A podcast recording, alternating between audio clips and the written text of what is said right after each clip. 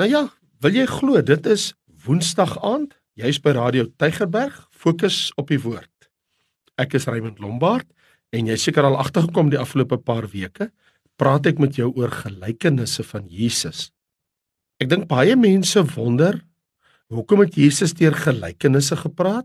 Die antwoord is tog baie duidelik dat die Here wou sekere waarhede van sekere mense op daai stadium weghou want daar was Jode wat nie in hom geglo het nie en daar was daar Jode wat in hom geglo het.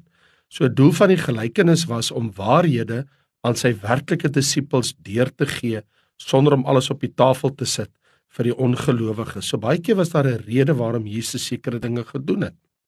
Nou sommige gelykenisse praat oor die eienskappe en wie God is en die natuur van God. Andere praat oor die sondige natuur van die mens. Daar's gelykenisse wat praat oor 'n mens se verantwoordelikheid teenoor God, jou verantwoordelikheid teenoor jou medemens en so kan ek aangaan. Weet jy dat daar is ten minste 39 gelykenisse in die evangelies. En die een wat ek met jou nou oor wil praat is in Matteus 13 vers 45 en 46. Verder is die koninkryk van die hemele soos 'n koopman wat mooi parels soek en hy het een baie kosbare parel gekry. Hy gaan toe weg en verkoop alles wat hy het en koop dit. Nou in sy eng vorm val dit mos onder die hoofie verder is die koninkryk van die hemele hierdie gelykenis. En jy sal baie keer lees in Matteus 13 vers 31. Koninkryk van die hemele is soos. Dan lees jy ook verder in vers 33 koninkryk van die hemele is soos. En so kan ek aangaan. Jy lees in vers 44, verder is die koninkryk van die hemele. Vers 45, verder is die koninkryk van die hemele. Vers 47, verder is die koninkryk van die hemele vele male. Want dit het te doen waar Jesus met ons praat oor die aard en die karakter van die koninkryk.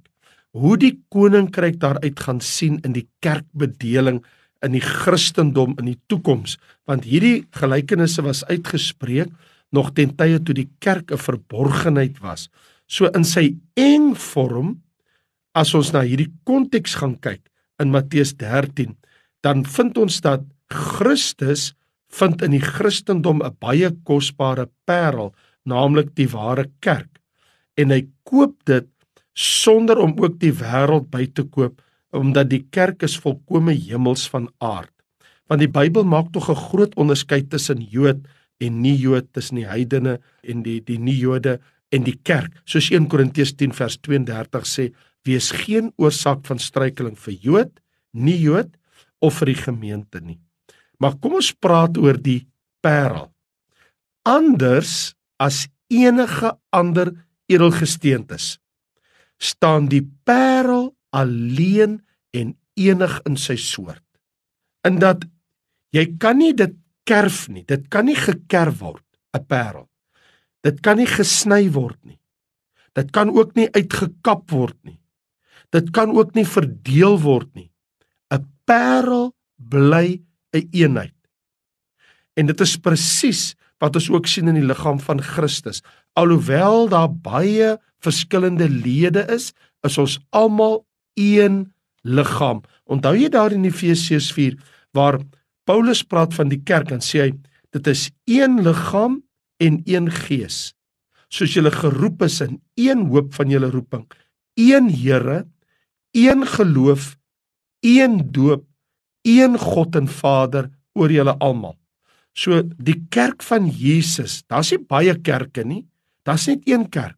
Daar's net een liggaam alhoewel daar baie denominasies is en verskillende name geheg word, maar wêreldwyd het Jesus nie baie liggame nie. Hy het net een liggaam. So kom ons praat oor die gelykenis van die parel.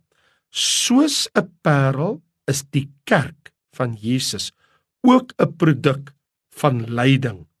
Onthou Jesus het gesterf vir sy parel. Ek wil Efesiërs 5 vers 25 is mos nou baie duidelik. Manne, julle moet julle eie vroue lief hê soos Christus ook die gemeente liefgehad en homself daarvoor oorgegee het. So Jesus se lyding aan die kruis het dit moontlik gemaak dat die kerk van Jesus kon ontstaan, die parel. As Jesus nie aan die kruis gesterf het, sou ons nooit kon praat van die kerk van Jesus nie. So ek wil met jou 'n bietjie gesels oor parels. Ek onthou my ma het ook 'n parel gedra hele lewe deur. Een van haar ringe het 'n parel opgehad. En sy het vir my baie keer stories vertel oor die parelring wat sy gehad het. Nou parels het 'n vreemde fascinering vir die mens. Want die ongewone ding omtrent 'n parel of parels is dat dit nie so seer begeer word vir die geldelike waarde. Dit is nie so verskriklik duur soos goud nie.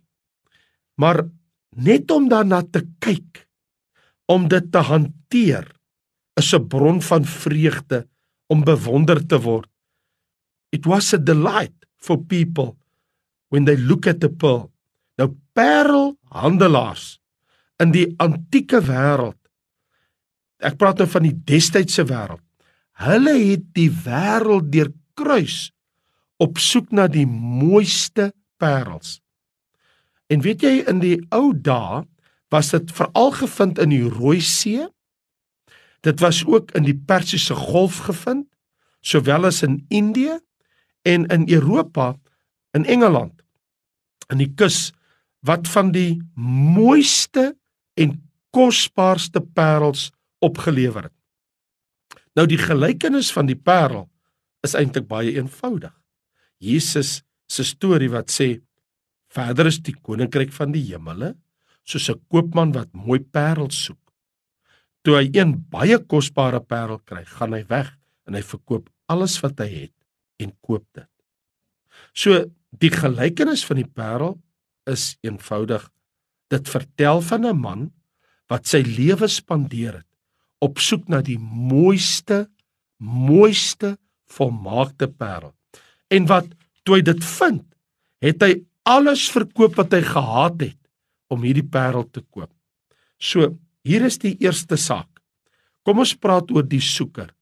Want die gedagte by die lees van die gelykenis wat na vore kom is, dit was net suiwer geluk dat hierdie man op hierdie kosbare parel, hierdie kosbare skat afgekom het. Dit was aan die einde van 'n lang soektog wat hierdie koopman die parels gevind het en wat hy sy hele lewe lank na gesoek het.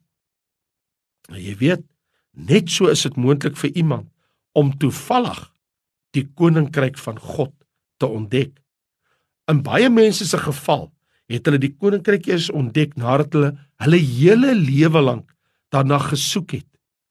Want Jesus sê gaan in deur die nou poort om in die koninkryk in te kom.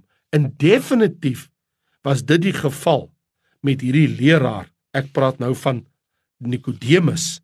In die geval toe hierdie rabbi, die leraar van Israel, sy hele lewe lank gesoek het na God se waarheid. En ons lees in Johannes 3 en daar was 'n man uit die Fariseërs met die naam van Nikodemus, 'n owerste van die Jode.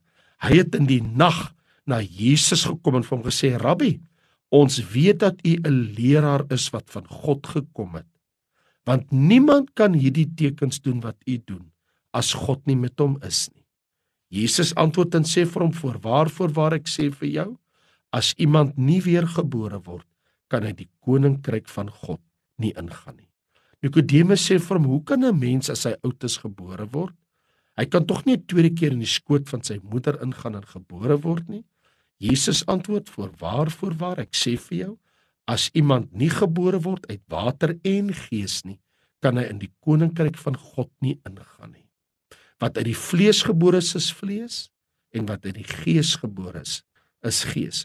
Moenie jou verwonder dat ek vir jou gesê het jy moet weer gebore word nie.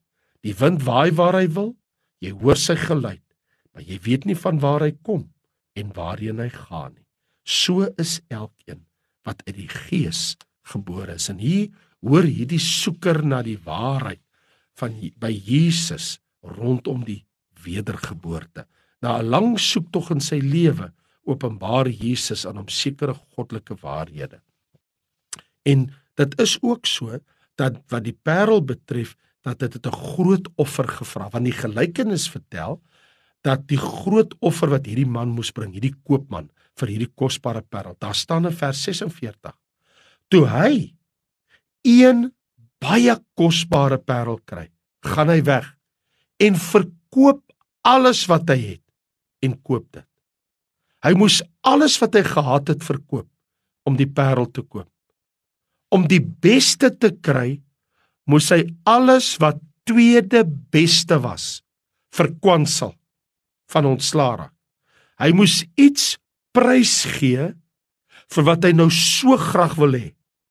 Hy hierdie materiële ding wat hy hy, hy soek hierdie parel, maar hy moes nou sy ander materiële dinge moes hy prys gegee het. Daar's goed wat hy gehad het wat hy moes van dit ontslaa raak. Hy moes dit verkwansel sodat hy genoeg het om hierdie parel te koop. Ek weet nie of ek jou ooit vertel het die verhaal van Carrington wat 'n welgestelde familie besigheid bedryf het. En een dag het hy in die skemeraand gestap in 'n straat af. En uh toe sien hy 'n man wat goed onder die invloed van drank is, lekker gekoring. En sy vrou probeer hom keer om verder te drink, dat hy moenie verder drink nie want hy het nog 'n 'n 'n bottel wat nog halfvol drank is in sy hand. En skielik draai die man om en in een hou slat hy sy vrou bewusteloos. En Carrington hardloop nader om te gaan hulp verleen. En toe hy sowel afbuk onder die die skemerligte, toe vang sy oog bokant die lig 'n naam en dit is sy eie naam, want die drankwinkel se naam was Carrington. Dit staan bokant die deur van die drankwinkel. Hy sou agterna vertel hierdie man Carrington. Hy sê met een hou slaan daai man sy eie vrou kat swink en met dieselfde hou slaan hy Carrington uit sy besigheid uit. Hy het net daar en dan daai nag toe besluit hy vir geld is nie die moeite werd wat hier gebeur het nie en hy het sy besigheid verkoop en hy het uitgeklim. Jy sien daar is maniere om geld te maak, maar soms is die prys te hoog. Soms moet 'n mens jouself die vraag afvra: dra wat ek doen om geld te maak die Here se goedkeuring weg. Waarmee is ek besig? Dit wat ek doen, die manier hoe ek geld bymekaar maak, is God tevrede daarmee?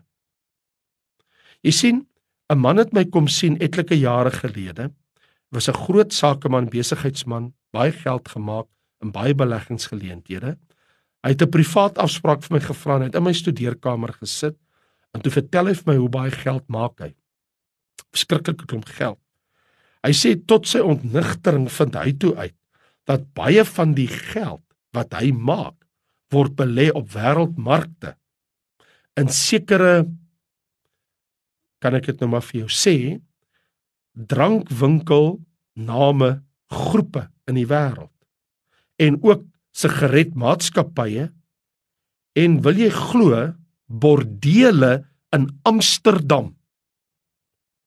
En tot sy skok ontdek hy ja hy sit hier in Suid-Afrika hy maak 'n klomp geld maar kyk waar word die geld oor see belê en dit toe hy besef wat aangaan het hy alles verkoop en hy het net daarvan alles ontslaag geraak hy het besef dra dit die Here se goedkeuring weg hoe ek besig is om geld te maak jy sien as ons gaan kyk na hierdie man wat die kosbare parel wou kry Dit mag wees dat jy ook jou gemak moet prysgee.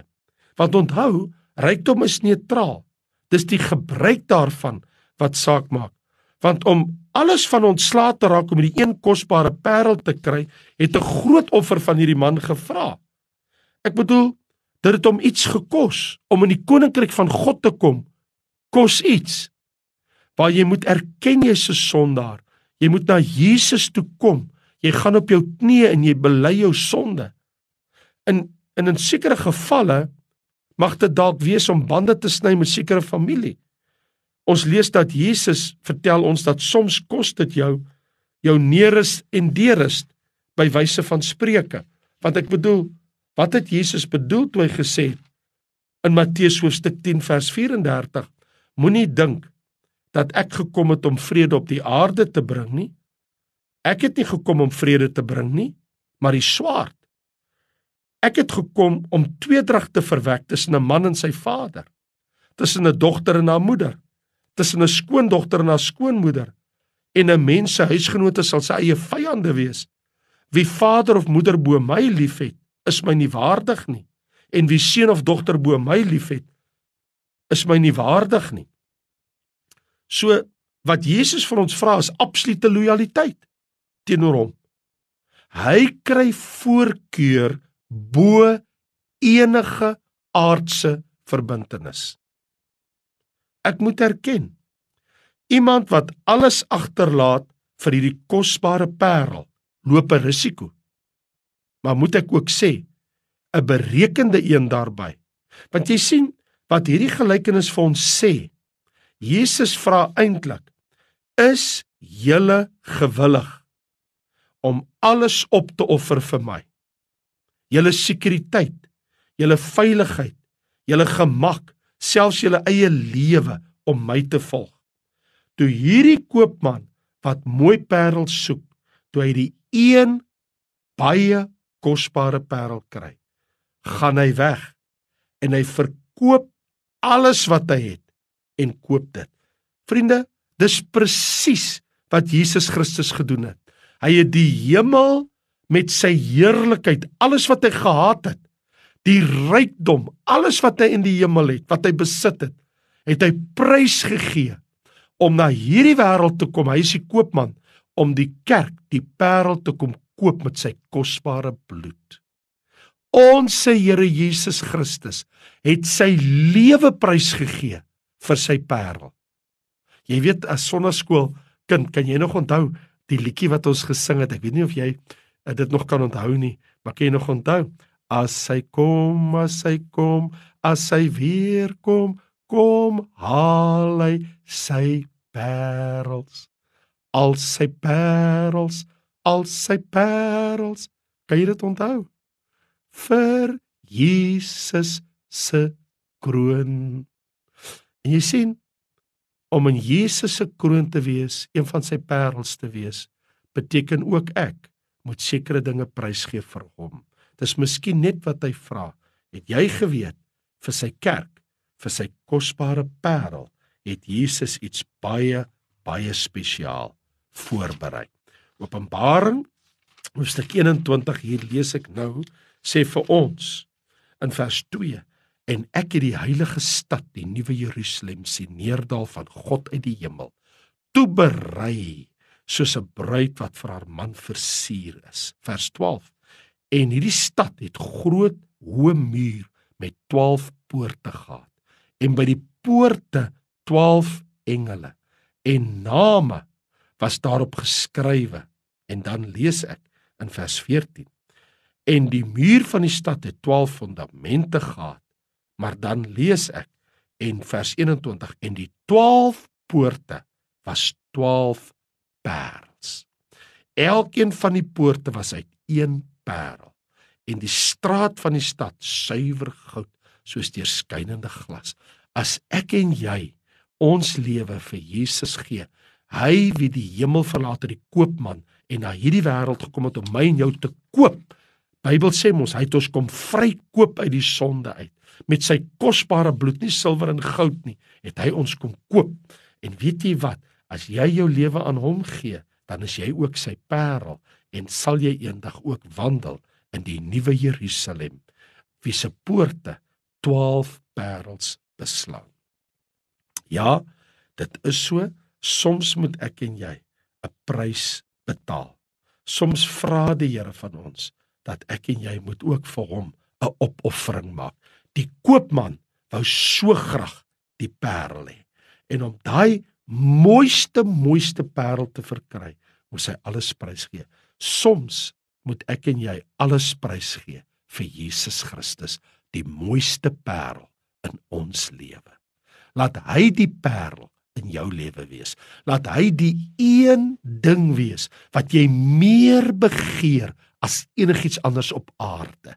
Want as jy Jesus het, die mooiste parel in die ganse skepping, in die ganse univers.